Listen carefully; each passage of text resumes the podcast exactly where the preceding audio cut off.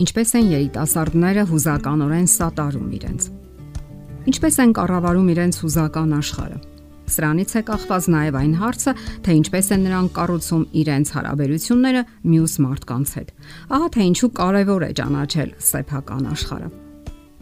Կարողանալ ճիշտ փոխհարաբերություններ կառուցել շրջապատի հետ Պարզ ճշմարտություն է, որ միակ անձը, ով ձեր կողքին է օրվա մեջ 24 ժամ եւ շաբաթվա բոլոր 7 օրերը, դա դուք եք։ Դա գիտական արտահայտությամբ կոչվում է ինքնաապահովում կամ ինքնասպասարկում։ Սակայն սա չի նշանակում, որ դուք պետք է ձեզ զրկեք այլ մարդկանց օգնությունից։ Հետաքրքիր խորհուրդներ է տալիս կլինիկական հոգեբան եւ ինքնաօգնության գրքերի հեղինակ Էլիս Բոյեսը։ Եվ այսպես,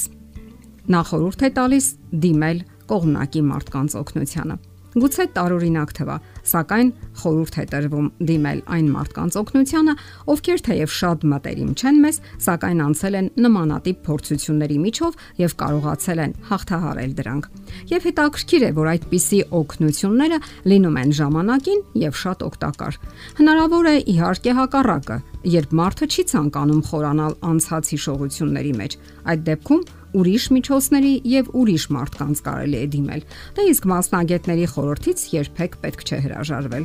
Ձերքի տակ ունեցեք մասնագետների ցանկը եւ նրանց հեռախոսահամարները։ Մասնագետները խորհուրդ են տալիս բաց լինել օգտակար խորհուրդների տարբերակների համար։ Եթե կլինեն շատ խորհուրդներ, ընտրեք ձեզ համար հարմար տարբերակը։ Որոնեք այն ռացիոնալը, որը կարող է պետքական լինել ձեզ Խորհուրդը գուցե լիովին չբավարարի ձեզ, սակայն այնտեղ կլինեն ճշմարտության հատիկներ, որոնք իսկը ձեզ համար են։ Երբեմն ձեզ կօգնեն ոչ թե կոնկրետ խորհուրդները, այլ սրտացավությունն ու ջերմությունը, որով մարդիկ ցանկանում են օգնել ձեզ։ Ուշադրություն դարձրեք ոչ թե բառերին, այլ զգացմունքներին, որով դիմում են ձեզ։ Գոյություն ունեն դժվար իրավիճակներից դուրս գալու ամենատարբեր եղանակներ ու ուղիներ։ Մտածեք ինչ անել Ձեզ կարող է օգնել նաև մարմնամարզությունը, լողը, գիրք կարդալը, երաժշտությունը, նաև սոցիալական ցանցերում շփումները։ Երբ դուք սոցիալական ցանցում որևէ մեկից խորհուրդ եք հարցնում, դիմացինին գուցե հաճելի լինի, որ դուք դիմել եք իր օգնությանը, եւ նա մեծ սիրով կարող է օգտակար լինել ձեզ։ Այդպիսի մարդիկ հաճույքով օգնության ձեռք են մեկնում, կիսվում իրենց գիտելիքներով ու փորձառությամբ Իսկ միգուցե այդտեղից էլ ծնվում են նաև հետաքրքիր բարեկամությունները։ Ուժեղ մարդիկ ճիշտ ձևով են ապրում իրենց կյանքը։ Ժամանակ են գտնում թե աշխատանքի եւ թե ընկերների հետ շփման ու իրենց նախասիրությունների ու զվարճությունների համար։ Նրանք ուրախությամբ են վայելում կյանքը։ Նրանք չեն ցանկանում քայքայել իրենց կյանքը այնպիսի բաների վրա, որոնք սխալ են համարում եւ ոչ օգտակար օգտագործում են իրենց հատկացված արցակուրտը լիարժեք վերականգնվելու եւ հանգստանալու համար։ Իսկ դա անհրաժեշտ է թե վերականգնվելու եւ թե ինքդ քեզ հետ լինելու համար։ Յուրաքանչյուր մարդ պետք է միշտ որոշակի ժամանակ հատկացնի անznական վերլուծությունների ու խոկումների համար։ Նա պետք է ժամանակ գտնի նաև Աստծո հետ անznական փորձառությունների համար եւ չհետևի ընդունված ավանդույթներին ու կարծրատիպերին։ Ուժեղ անznավորությունները նաև չեն տարապում աշխատանքի գնալու անհրաժեշտությունից եւ հաճույքով են կատարում իրենց վրա դրված պարտականությունները։ Ընդ որում ձգտում են ամեն ինչ անել բարեխղճությամբ եւ հնարավորինս գերազանց։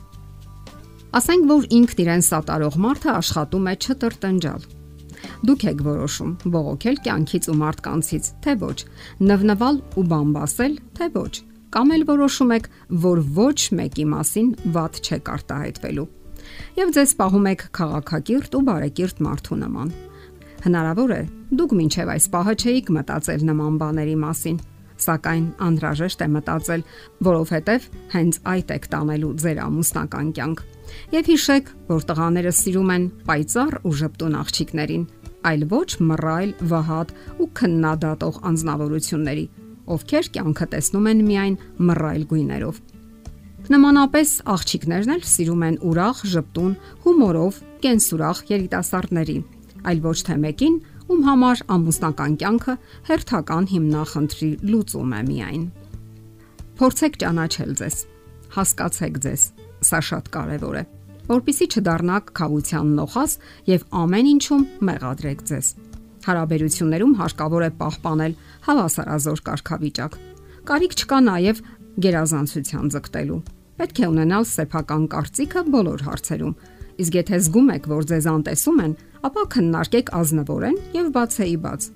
Նրանք, ովքեր բնավորությամբ թույլ են, հաճախ են զիջում բոլոր հարցերում, սակայն ժամանակի ընթացքում զգալով անարթարությունը փորձում են վերականգնել այն, ինչը միշտ չէ որ հաջողվում է։ Եվ ճանաչելով ձեր բնավորությունը, դուք շատ բանի կարող եք հասնել։ Կարող եք հասկանալ, թե ինչու եք անընդհատ զիջում, ինչու եք այնքան пассив, ինչու եք թույլ տալիս, որ ձեզ վիրավորեն, նվաստացնեն ու անտեսեն որպես լիարժեք ու հասուն անznավորություն։